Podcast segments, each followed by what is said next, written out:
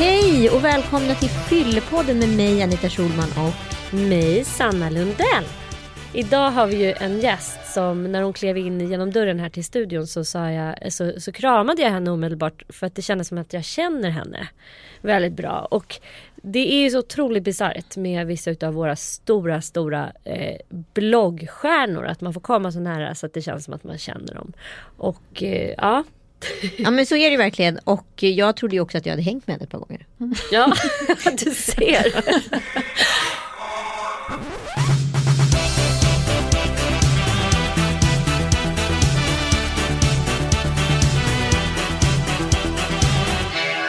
Jag tänker, är det ofta så för Klara, underbara Klara, Ja. eh, att folk hälsar på dig lite så här på stan som man kan göra om man ser typ Kjell Lönnå eller någon som man tycker är väldigt Lasse välbekant. Berghagen har jag gjort så med. ja, så är det. Och jag tror att det är mer så för alla sociala medieprofiler. För där, de följer man ju liksom, man har dem i fickan, man sitter och kollar på dem på toaletten. Liksom. Jag tror en annan sak och när man, folk man följer typ eh, på TV. Men det blir inte samma nära relation, men folk man följer i sin vardag och i deras vardag. Ja. Så folk, jo men folk hälsar väldigt ofta. Och, ja, man känner igen dig, du känns Ja. bekant. ja, Ja. det tror jag. Och vad gör du då? Hälsar du tillbaka Ja, eller hälsar du? tillbaka och ser glad ut. Och sen Ja. brukar de se fundersamma ut. Ibland skriver de så här, gud förlåt att jag hälsar på dig utanför Åhléns. Du såg jätteförvånad ut men ja, det är bara roligt. Kul att du är här! Ja, det tycker jag också. Ja, Superkul att vara här. välkommen. Vi har jobbat på dig ett tag känns det som. Ja, du har varit som en drömgäst för oss. Ja, vad roligt. Så det är super, superkul att du är här och eh, vi är så väldigt nyfikna på just ett samtal med dig om alkohol. Mm. Därför att har man följt dig och din blogg så förstår man ganska snabbt att du inte dricker alkohol. Mm. Kan du berätta, varför, varför gör du inte det? Jag har aldrig gjort det. Så jag har faktiskt inte ens provat det. Så jag har eh, Jag var en väldigt så här präktig mamma-gris. Och när min eh, mamma var, liksom, hon jobbade som lungcancersköterska med folk som fick lungcancer. Så hon var väldigt så här, men du får körkortet om du inte dricker eller röker förrän du fyller 18. Ehm, och ehm, då, ja det kan jag väl göra, det är ingen uppoffring så. Och sen så började alla mina kompisar dricka och festa och så. Och då har jag alltid varit så, vare sig det gäller kläder eller livsval eller vad som helst, att det alla gör, det vill jag göra, jag vill göra annorlunda. Så då när de började med det, kanske det ändå, kanske ändå hade fallit dit på det när jag i så här tonåren, då kände jag bara, men gud vad töntigt, det tänker jag absolut inte göra, vad som liksom går med i den grejen. Nej men det är mycket, det är mycket coolare med att göra min egen grej. Så där var, jag vet inte hur coolt det var, men jag, jag kände det i alla fall, att jag vill göra min egen grej. Och sen bara liksom har jag fortsatt med det. Eh, och eh, det har som inte varit eh, svårt. Jag vet att man pratar väldigt mycket om så här grupptryck med tonåringar och så men alltså helt ärligt kan jag säga att om inte jag hade velat att någon skulle veta om att jag var nykterist hade det aldrig märkt. Speciellt inte när man är tonåring för då är folk ju så upptagna med sin egen fylla och sin egen liksom gå runt där med liksom och alltså ja med sin flaska eller vad det nu är för någonting. Så det är ganska lätt att om man bara är lite diskret så så bör man inte ens prata om det. Det var många som inte ens märkte att jag inte var berusad. Jag har inte svårt att släppa loss ändå. Eh, Sen gick jag på liksom fester och så ganska mycket men det är ju kul typ till halv tolv på kvällen kanske. Sen blir alla andra för berusade. Så det är kul ett tag när folk är lite fulla runt en för man själv kan ju bli också slapp avslappnad. Men hur funkar det då? Du, för att alkohol i Sverige är ju också väldigt matorienterad. Mm. Och du är ju, i alla fall som jag upplever det, en ganska stor matprofil. Mm. Eh, med mycket så här högtider och grejer. Allt från som på sommarhalvåret liksom, med både midsommarfest och kräftskiva. Mm. Hur funkar det för dig då? då? Eh, det funkar jättebra. Alltså jag, har, eh, jag kan säga att jag har två arv från min familj och det ena är Ena släkten är liksom eh, bränna hemma, bli pangfull varje liksom, tillfälle man ses och umgås. Börja röka och liksom, dricka alkohol när man typ går i blöjor. Alltså, eh, var kommunist för övrigt. Och, men alltså, hela det liksom, eh, det arvet. Och sen har jag, på andra sidan har jag mer Eh, att man dricker väldigt måttligt och man dricker absolut inte jul för julen är barnens hög. Alltså väldigt så. Så jag har båda de arven och jag har väl blivit väldigt avskräckt av det ena. Det här att man dricker mycket och så. Så att jag, jag är inte uppvuxen med med min mormor och morfar så här, som vi var de vi umgås, umgicks mest med när vi var små så de, de drack liksom inte starkt. De kunde ta ett glas vin någon gång men jag har liksom aldrig sett att de har varit berusade eller någonting. Så att jag har fått med mig det. Sen så, Eh, så att, jag, att jag inte dricker har som ingenting att göra med att jag är, är kristen. Det vart det ju sen när jag kom upp i gymnasiet. Ehm, så det var inte som att nu blir jag kristen, nu får jag inte dricka heller utan jag var nykterist och sen så bara var inte det någon stor grej. Jag bara pratade inte så mycket om det så det var som inget svårt eller jobbigt. Men sen eh, blev jag kristen och då fick jag som ytterligare en aspekt av det och det handlar väldigt mycket om att ja, men man kanske, den församling jag var med i då, det är otroligt många ex-missbrukare och alkoholister och narkomaner och så. Um, då kändes det väldigt svårt att liksom det kändes som en väldigt så solidaritetshandling att ja men ni kan vara alltid trygga för det kommer aldrig serveras någonting hemma hos mig. Det kommer liksom, behöver aldrig känna när ni ska hem till mig på middag eller när du ska träffa mig någonstans att jag skulle kunna vara brusad eller att det skulle kunna vara något som bjuds utan det är liksom en, att erbjuda en typ en trygg zon. För, även för den som har ett missbruk. Så. Um, ja, men vi börjar prata på. Ja. Nej men det var ju superspännande. Du svarar på massa frågor här samtidigt. Har du alltid haft det här suget att eh, stå lite grann utanför? Mm. Jo, och jag tror att det är väldigt mycket, alltså det jag fått med mig hemifrån, alltså eh, både jag och min syster, att men vi, de, vi har uppmuntrats att klä oss helt annorlunda och ha helt annorlunda intressen än alla ens kompisar och uppmuntras väldigt mycket i det som kanske är lite kufiskt eller speciellt. Um, men hur kände du det då? För det blev jag så nyfiken på. Mm. Att man så här, för jag tyckte det var jättesvårt själv när jag var tonåring att så veta så vem är jag mm. i alla de här intrycken. Mm. Att så ja, jag tyckte det var jättekul på musik men jag tyckte också det var sjukt kul på hemkunskapen. Mm. Men det var ju töntigt att gilla hemkunskap mm. och mycket ballar med musik. Alltså, mm. Hur kunde du vara så himla säker på din sak? Alltså jag tror att det är väldigt mycket att jag hade min stora syster som var tre år äldre och eh, som liksom godkände mig eller så här, du kan visst ha de där kläderna, de är skitcoola och även om då killarna tyckte att fan ser du ut, du är ju knäpp i huvudet liksom så ja fast ni vet ju ingenting, ja. min syrra har koll. Mm. Så det var väldigt skönt att liksom eh, jag tittade på vad hon gjorde, hon var tre år äldre och gjorde, sen har hon, hon är absolut inte nykterist, hon har gjort helt andra val gällande alkohol och så men eh, Nej men det är ju jättesvårt och det är väl på ett sätt kanske blir en efterhandskonstruktion. Nu drar jag fram de där sakerna, det är klart att jag också var osäker och eh, tvivlade på massa saker men om man ändå inte passar helt in så har jag, har jag inte jag kunnat göra våld på mig själv att liksom försöka passa in utan då har jag bara, ja men här passar inte jag in så jag måste gå helt åt andra hållet och bygga det starkt. Istället för att vara typ nästan med i gänget så bara, nu skiter jag i det här gänget, jag gör min egen grej. Eh, men sen så var jag också, och det, jag var ju en väldigt duktig, snäll flicka. Eh, och eh, när, när vi gick, man fick så här undervisning om alkohol och droger så var det ju liksom Ja, rökning kan ge cancer och LSD kan ge hjärnskador. Nej men gud, hur kan det finnas någon? Det är ju jättefarligt liksom. Då kan man inte göra det. Så, allt det här som alla andra bara, jaha rycker på axeln åt. Jag tyckte, men But sure, det stämmer inte. Min Nej. farfar blev 103 år, han rökt som en borstbindare. Ungefär ja, ja. Sen tyckte jag i gymnasiet att det var väldigt skönt att vara nykter därför att jag gick på de här festerna eh, och jag umgicks med de här killarna och de här coola personerna. Jag hade ett sånt enormt socialt övertag. Därför att man, jag kunde ändå verka liksom, vara avslappnad så länge de var lite så här salongis och inte var knallfulla liksom. Så var det också så att jag hade ett socialt övertag. Jag är visserligen glad och uppsluppen men jag är helt glasklar och jag kommer minnas vad du har sagt imorgon. Du kommer känna dig lite osäker och nervös. Jag stenkoll på vad du har gjort. Och jag kan läsa av vad ni håller på med och alltså det gav mig en känsla av kontroll. Mm. Eh, och jag gillar ju kontroll. Alltså, Förmedlade du det då till de här personerna? Nej, jag tror att de upplevde att många visste inte ens att jag inte drack. Alltså jag tror att många trodde att jag var lite full också. Um, och sen så, men det var sånt jag bara tänkte på sen att när jag kom hem och liksom började analysera så, ja, så kunde man Ja, det var som att vara, få mycket mer IQ än alla andra plötsligt och kunna mm. liksom se saker som man inte andra kunde se det händer ju mycket saker, speciellt med tonåren när man blir full. Alltså med gruppdynamik och allting så, som man får övertag i. Just det här Dr. Jekyll och Mr. Hyde beteendet, man faktiskt kan bli helt eh, personlighetsförändrad mm. när man dricker alkohol. Eh, och för vissa så är det en tillgång om man till exempel är väldigt väldigt blyg och så helt plötsligt så vågar man liksom prata med människor mm. och sådär. Det verkar vara en rätt stor anledning till mm. att folk gillar alkohol. Mm. Eller om man är en väldigt spänd, nervös person och så kan man slappna av mm. plötsligt. Liksom. Men det där kan ju komma man kan ju få placeboeffekten av att andra är fulla. Mm. För det är ju oftast andra man är rädd, nervös inför. Mm. Så man vet att de är lite avtrubbade. De kommer inte minnas exakt eller vara helt, liksom ha en klar analys av vad jag sa. Då kan man ju själv slappna av i det så att man kan använda andras eh, fylla. Ehm, Till att surfa Till- lite Ja, på den. det låter ju så här hemskt och cyniskt men så var det nog. Men Det så kan man ju smart. funka det också, jag som då dricker i Ja. vanliga fall. Eh, när jag har varit gravid har inte jag druckit. Nej. Men då kan man ju också bli berusad utav stämningen. Alltså, Ja, ja. eller hur? man, det är ingen som... Men alltså, tycker inte du då, förlåt jag avbröt, men tycker inte du då att det är ganska skönt när du sitter där gravid och bara Du är också glad och liksom berusad av stämningen Men sen så, När klockan 12 när de börjar repetera Ja. sig första varvet Ja, på då det vill de redan har sagt, då vill man gå hem. ja, Så är det ju. Men det brukar vara lite grann som att de hoppar på ett tåg. ja, Så man själv står kvar på perrongen.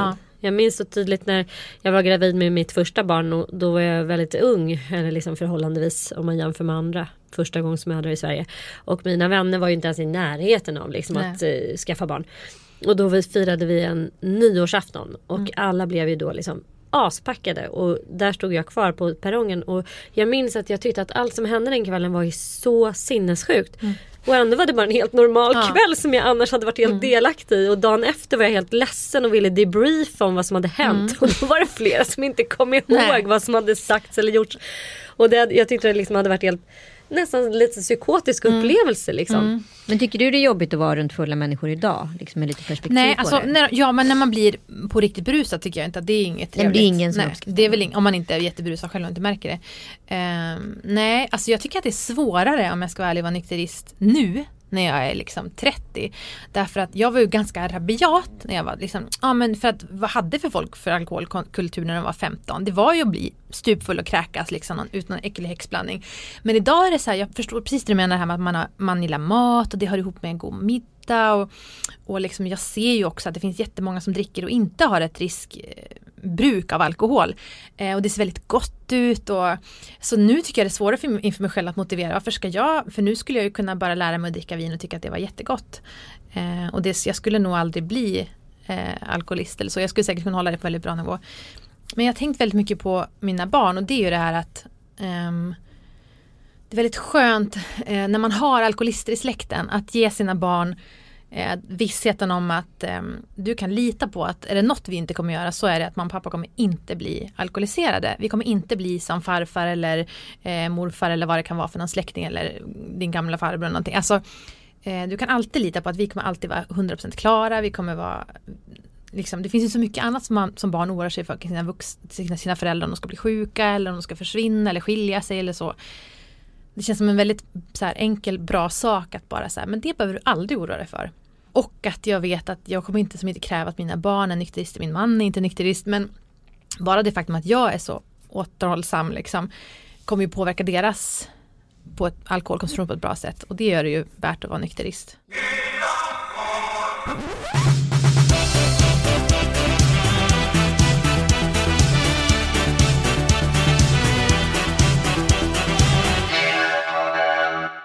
Alkohol kan vara gott och öka trivseln men det ställer också till många problem. För de som dricker och för de som finns intill och för samhället. För att det ska finnas en motkraft och för att människor ska reflektera över sitt drickande finns den idéburna organisationen IQ. Vill du veta mer? Kolla in iq.se. Jag är i alla fall nyfiken, du sa att, för du lever ju tillsammans med en man. Mm. Du är gift Mm. och har två barn. Mm. Men är han nykterist? Nej. Men han är ju typ. Alltså han, han brygger ju öl. De är, det är ju så här, de, han är ju bonde, ekobonde. Så de, och yogi. Så de håller ju på med liksom sin eh, ekologiska, egengjorda, märkliga öl och så här. Men han är ju extremt eh, måttfull. Jag tror att jag liksom Alltså han kanske på ett år kanske han druckit en flaska vin max. Så, så jag, är, jag har väldigt måttfulla personer runt omkring mig och mina bästa kompisar är nykterister. Så, här, så att Eh, de, de liksom par, par vi umgås med, det är ingen av dem där det finns liksom en kultur av att ha snaps eller någonting. Det är ingen som skulle komma på tanken när jag har kräftskiva att ta med sig något att dricka. Alltså starkt. Jag har så många kompisar och det är inte liksom eh, för att alla är typ är religiösa utan det är så här. Det, Umeå är ju ett fäste för veganer och straight edgare och folk som eh, är väldigt vänstervridna och har de här eh, åsikterna också. Så att det finns ju som jag kommer mer ur den eh, liksom, kulturen eh, snarare än att liksom det här frikyrkliga, inte dricka alkohol. Så. Men du är frikyrklig från början? Nej. Du är inte det? Nej. Nej, min pappa blev jätte, eller liksom jätteorolig och arg när jag blev kristen i en frikyrka för det är ju sekt, eller vad, det är ju jättesjukt liksom. Jag kommer från väldigt så här, vänsterbakgrund och kulturarbetare och alltså Nej, man är absolut inte. Man, de kommer från så små hålor i Norrland där det har varit väldigt starkt inflytande av kyrkan och där man liksom har vänt sig ifrån det för att det har kunnat bli väldigt destruktivt. Så att, nej, absolut inte. Så det var ju som också en sån rebellgrej. Jag var ju som ändå jag umgicks med coola gänget i gymnasiet och så här, men då bara så här, äh, men då ska jag bli frälst. Alltså istället för att liksom, ja då ska jag göra den grejen så här, då måste jag hela tiden hitta ett sätt att bevara mitt. Så för mig var det som en rebellgrej att bli kristen. Och det var verkligen inte så här, folk tyckte som att det var jättekonstigt. Men för mig var det inte som att jag typ tyckte att det var lite genant utan det så här bara, ja men det var ju typ det mest eh, extrema och radikala man hade kunnat gjort i min situation. Det är lite så i Sverige faktiskt. Ja det är ju så. Det är ju världens mest sekulariserade ja. land. Mm. Men kan du någon gång känna att det är är jobbigt att eh, gång på annan få lite grann försvara liksom. För att många har ju sam, delar ju åsikter med då din far. Mm. Att vi tycker att så här, men gud är du sektistisk? Alltså, mm. Är man mm. frälst så är man ju jävligt udda mm. tycker folk generellt liksom.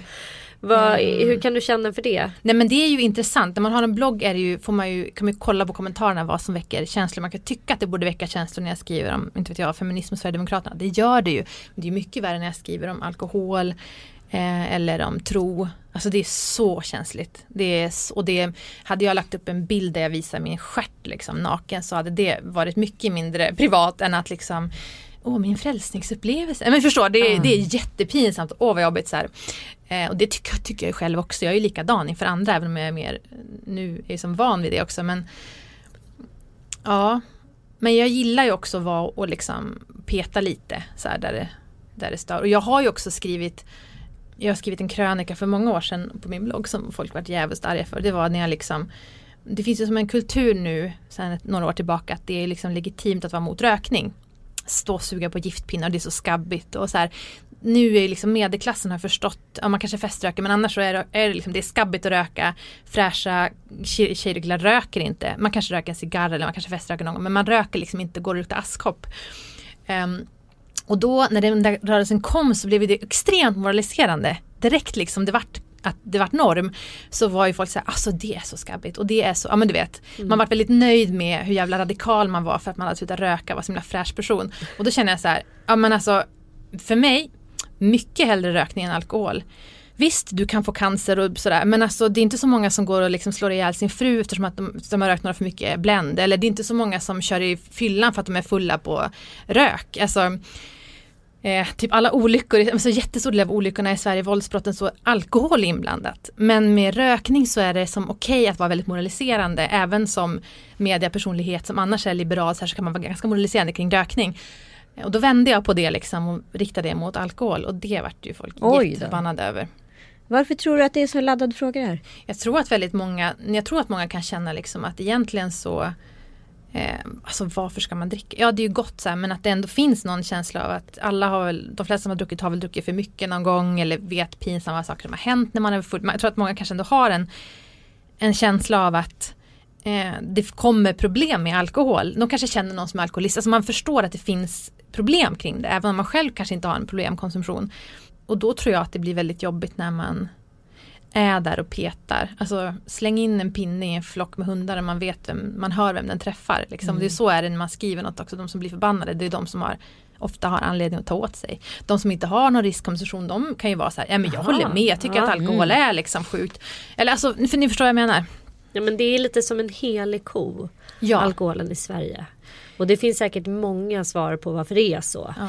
Men eh, jag håller med dig. Jag tycker framförallt att det är viktigt att vi pratar om alkohol. Att man mm har ett samtal att vi inte bara normaliserar att så här mm. är det. Mm. Så här dricker vi och eh, för att det är inte så alkoholkonsumtionen i Sverige har inte alls sett likadan ut Nej. genom eh, århundradena. Utan tvärtom, det påverkar otroligt mycket eh, vad vi har för samtal kring mm. alkohol. Eh, så nej jag tycker det är jättespännande att du vågar och det är också så här larvigt att vi säger att du vågar mm. stå upp och vara nykter i denna liksom mm. att vara så avvikande ja. och så här. Men eh, det är ju det någonstans mm. lite grann. Men jag, jag förstår vad du menar men jag tycker inte att det är det är inget läskigt eller svårt eller jobbigt. Eh, också för att jag kan ju vara på, på, min blogg men så är jag med många frågor kan vara väldigt liksom stark i mina åsikter men jag umgås om vi skulle gå ut och äta nu skulle inte jag sitta där och liksom fnysa åt er. Alltså jag är väldigt, när jag umgås med folk då går inte jag och dömer folk. Men det som är intressant är att folk väldigt, om de vet att jag är nykterist, då vill de väldigt gärna prata om det. Och liksom, jag gillar ju vin men jag gillar ju, jag vill ju bara ha lite grann och så vill jag, alltså de, de, de måste legitimera sig själva Ja, jag har inte ifrågasatt dem någonting, jag har inte hävdat att de liksom gör någonting fel eller eh, Är det ett personligt val för dig? Ja, precis. Jag har inget fördömande mot dem. Det har jag absolut inte. Jag känner så många alkohol, alltså, svårt alkoholiserade personer så jag har verkligen inget fördömande eh, mot någon som dricker alkohol. Eh, men jag ju, kan ju tycka att det är onödigt så här, men jag skulle inte, jag, det är ingenting jag sitter och utstrålar tycker för jag har ju också jättemånga kompisar som dricker och, och sådär. Men jag märker att de måste inför mig förklara och liksom Ja, och det är ju, det är ju det kan jag nästan tycka är lite så här, det är lite gulligt. Jag sitter bara, jaha, säger du? Alltså jag som inte, ja om du känner att du vill förklara dig för mig så får du väl göra det. Det kanske är skönt för dig också att prata om din alkoholkonsumtion. Jag har inga åsikter. Men du är ändå ganska så radikal i dina åsikter och du mm. har ju, ja, jag har ju också haft blogg, jag vet ju hur liksom, mm. tärande det kan vara. Mm. Alltså lika mycket som att man gör en skillnad så kan man ju också, det kan, kan kosta på. Verkligen. Ehm, och du har ju faktiskt varit utbränd nu. Mm. Och vad var det som ledde till det? Um, jag tror att det är för många om man liksom driver företag, entreprenör, man är så här, man har väldigt mycket idéer. Och eller liksom väldigt mycket kreativitet i sig och att den föder väldigt mycket kreativitet. Så att när man har en idé så får man tio idéer. Om man då börjar jobba med dem så får man tio till. Alltså, um, Ja, så det var ju egentligen att, och att jag hade, har fött två barn, jag har inte varit barnledig någonting. Jag har liksom gjort, fortsatt jobba med barn och försökt lösa det på olika sätt. Ehm, och, all, och liksom renoverat hus samtidigt. Ja men så här, Klassisk. Klassisk, väldigt klassisk. Svensk klassiker ja, numera. och så jävla patetiskt kan jag känna. Så här, att jag, jag har ändå pratat om liksom arbetstidsförkortning och jag, jag står för många av de sakerna. Men själv lyckas jag ju liksom inte få till det där. Um, men jag tror att det här, så att alla har ju som sin, även om man inte dricker alkohol, tror jag att alla har olika saker de kickar på. Det där är en sak för mig. Sen vet jag också att jag, um, när jag var utbränd så pratade jag med en psykolog att jag saknar liksom de här eh, euforitopparna som jag brukar få. Så här, ja men det, vet du, det är inte så vanligt. Bara, jo för mig är det vanligt. Jag brukar få euforitoppar några gånger per dag. Så får jag så här att jag bara, det bara far genom kroppen och bara åh så underbart, allt är så härligt liksom. Åh jag är lycklig. Eh, så när jag, mår, när jag är mitt vanliga jag, då har jag det liksom. Jag har det flera gånger per dag en bra dag, men alltså all, alltid någon gång per dag. Och när jag nästan börjar liksom så här, to, ögonen börjar tåras så att jag blir så lycklig i hela kroppen. Eh, och det är ju som en hel, det är som en dusch av hormoner som bara så här så jag tänkte att det är också kanske en sak jag inte behöver alkohol för att jag håller på med det där själv. Eh, men sen när man blir utmattad så kommer inte de där. Och då märker man hur jävla tråkigt livet blir. och liksom jämngrått och tungt. För man får ju ett påslag. Men jag, ja, nej. Jag vet inte hur mycket vi ska prata utbrändhet. Nu kommer vi kanske från ämnet men det är ju så himla intressant. Eh, ja men någonstans tangerar ju det varandra också. Mm. För många som dricker, man kan fråga sig så här, vad är hönan och vad är ägget? Ja. Dricker man för att man mår dåligt? Mm. Eller mår man dåligt för att man dricker? Mm. I ditt fall så är det ju alldeles uppenbart att man kan må dåligt mm. utan att dricka. Mm. Eh, men det är ju ofta i stunder av när man mår dåligt som man till exempel utvecklar ett beroende ja. av alkohol eller mm. någon annan drog. Liksom. Det eh, kan ju absolut ha en koppling. Men för dig så kom ju en utmattning i alla fall. Liksom. Mm. Men eh, det är ändå ett väldigt viktigt budskap att skicka med att just det här positiva stressen och mm. att så här, gå igång på att eh, kreera och skapa saker. Mm. Man får välja själv och någonting som ser väldigt roligt ut. Att det är, det är så otroligt viktigt att återhämta sig. Mm. Även när man arbetar med sånt. Mm. Så det är väl jätteviktigt att skicka med våra mm, lyssnare. Absolut som sagt, man, har en, alltså, man är ju unik i sin kropp och allt mm. är kemi någonstans. Och vad man liksom kickar på eller vad det nu är som behövs eh, för attribut. Så ja, man kan, det är helt okej att må dåligt mm. också. Men jag tänker en sån konstig sak i Sverige. Det är ju det här med hur vi behandla folk som har alkoholproblem. Alltså vi har ju haft alkoholister i släkten och så jag är då den här skolan, det pratar man om. Ja, hur ska vi nu göra när Urban kommer till påsk? Han är ju alkoholist. Nej, han är inte alkoholist. Så här. Jo, han är alkoholist. Ni vet ju att han brukar ligga, nu hittar jag på ett namn här, men ni förstår. Han brukar ju ligga avsmullen och han dricker ju åtta glas vin och han blir ju liksom, han liksom raglar ju fram och dagen därpå kommer han inte upp ur sängen. Nej men det är ju inte, han sitter ju inte på, han har ju sitt jobb och han sitter ju inte på park, alltså mm. så här. Och att det kan vara liksom att, eh, att det inte är självklart att Ja men du kan ju för fan inte servera alkohol om du är alkoholist vid bordet. Ta bort det. Varför ska man liksom utsätta någon typ så här jag kommer dit och har jordnötsallergi. Bara, jo men vi har gjort en jord, det är bara jordnötter. Det är förrätt, efterrätt och liksom huvudrätt. Allt är jordnötter. Och vi ska inte behöva anpassa oss liksom. Det ska man aldrig göra. Och att det är så tabu att man får inte säga det. Tänk om han skulle misstycka nu när vi inte har vin. Jag är verkligen så här, ingen alkohol serveras om det finns någon som jag vet har ett riskbeteende. Nu eh, gör inte jag det ändå men, men liksom, och jag är ju sådär, jag tycker man ska prata om det. Eftersom att hon har alkoholproblem så tycker inte jag att vi ska göra så här nu. Jag tycker att vi ska välja att göra en fika istället för en stor middag för då blir det så jobbigt med. Jag har liksom sett folk som eh, trugar typ folk med alkohol, som är alkoholister men tar lite till för att de själva, mm. det är så jävla jobbigt för dem om, om han är alkoholist så kanske jag också har ett, risk, liksom ett riskbruk. Och, eh, ja. Så det där är ju så himla konstigt. Det finns en sån jävla dålig solidaritet i Sverige. Det tycker jag är ett problem att man inte kan Men okej, okay, du vill dricka vin och du har inget problem. Men gör det då när du är själv. Men gör inte det när, du, när ni är med massa folk där du inte vet det kanske är jättemånga här, det kanske är någon som inte ens vill komma hit ikväll för hon vet att hennes man, om det bjuds på alkohol så kommer han inte riktigt kunna stå emot det. Så här. Jag tycker det är så här, det är väl bara helt vanlig sund solidaritet att typ tänka efter, precis som att ta hänsyn till någons matallergier eller om någon är hundrädd så har man inte med hunden vid matbordet eller liksom låter den springa, då kanske man stänger in den. På samma sätt kan man väl, men jag tror att det där har att göra med just att det är så tabu.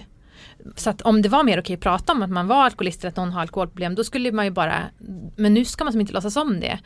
Och så låter man de här personerna som kämpar med att hålla sig från alkohol eh, själva sitta med sitt och, och försöka eh, motstå. Så här. Det är ju jättekonstigt. Ja men det är så konstigt för att eh, allt med alkohol måste ju normaliseras. Mm. Alltså det finns ju tusen omskrivningar varför liksom en drink serveras på det mm. sättet den gör. För mm. att det ska dämpa alkoholsmaken. Mm. Och man ska dricka den socialt och man får inte bli full. För blir man full då åker man alltså, mm. alltså det är ju väldigt, det är ju en oerhört knasig psykologi runt alkohol generellt.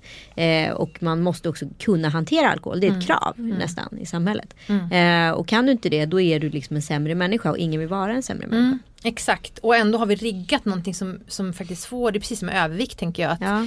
Vi har ett samhälle som är riggat så att folk kommer bli överviktiga. Vi har sån typ av mat, vi har sån typ av och sen så, så fort de blir överviktig då, då är det liksom, karaktär. Ja precis, då har man svag karaktär. Då skyr man den och tycker liksom att man var så jävla patetisk. Men det kan ju ha att göra med tänker jag att alkoholism är en förhållandevis ny sjukdom. Mm. Och jag tycker mig se ett mönster att alla sjukdomar som eh, bidrar till att man får en, en ett förändrat beteende, alltså mm. alltså någonting som har med hjärnan att göra. Mm. Där går vi väldigt lätt in och moraliserar. Mm. Det gäller ju psykisk ohälsa mm, också. Att verkligen. vi liksom tycker så här, men det vill bara rycka upp sig. Mm. Vad, är det verkligen ADHD? Finns det mm. verkligen? Eller det med alkoholism. Och han borde ju bara ta och skärpa sig. Och det mm. finns väldigt mycket moralism kring hjärnsjukdomar generellt. Och ja, även Alzheimers och demens. Och man börjar liksom tycker att det är, vi vet så lite om dem och det är mm. nya sjukdomar. Och, och jag hoppas att det, att, att det här ja, men hela vad ska man säga, ja men sättet vi pratar om alkoholism och beroende generellt, att det kommer förändras. Mm. Tycker han att det har blivit bättre? Mm. Det får man lov att säga. Det får man lov att säga. Jo, och en, precis det är svårt att veta hur utvecklingen kommer bli för att jag vet inte om man hade för 20 år sedan tänkt att det skulle bli så här med rökning, att det vart så himla, jag tror att det, men det vart ju för att vi skapar en ny norm i samhället, nej man får inte röka på restauranger, nej man får inte röka på klubbar så här. Då, det är svårt att veta ibland, ska lagen komma innan beteende? Alltså ibland så kan ju lagen vara normskapande. Mm. Eh, nu får inte röka, man gör det svårt att röka, det gör att folk slutar röka, det blir tabu att röka liksom. Eh, det är väldigt svårt att se att det skulle komma någon lag som inskränker alkohol. Snarare verkar det gå i motsatt riktning med gårdsförsäljning och alla de här olika sakerna. Men, Men har du några så hur tänker du? Tycker du att vi ska inskränka jag tycker, vi ska inskränka, jag tycker vi ska inskränka socker också. Därför att eh, alltså socker och, och onyttig mat. Därför att eh, inte för att vi ska vara något slags storebrorssamhälle utan för att eh, det kostar samhället så mycket Alltså att folk äter dåligt, att folk dricker för mycket. Det är en enorm kostnad för samhället. Och precis som vi har bestämt att nej men man ska inte ha körkort när man är 12. Det kostar samhället väldigt mycket om, om barn ska hålla på att köra ihjäl folk med bil. Man är inte mogen för det. Då tycker jag att man kan bestämma. Till exempel är det väldigt bra med Systembolaget. Um, och med deras öppettid att man ska hålla det. Jag tycker det är viktigt.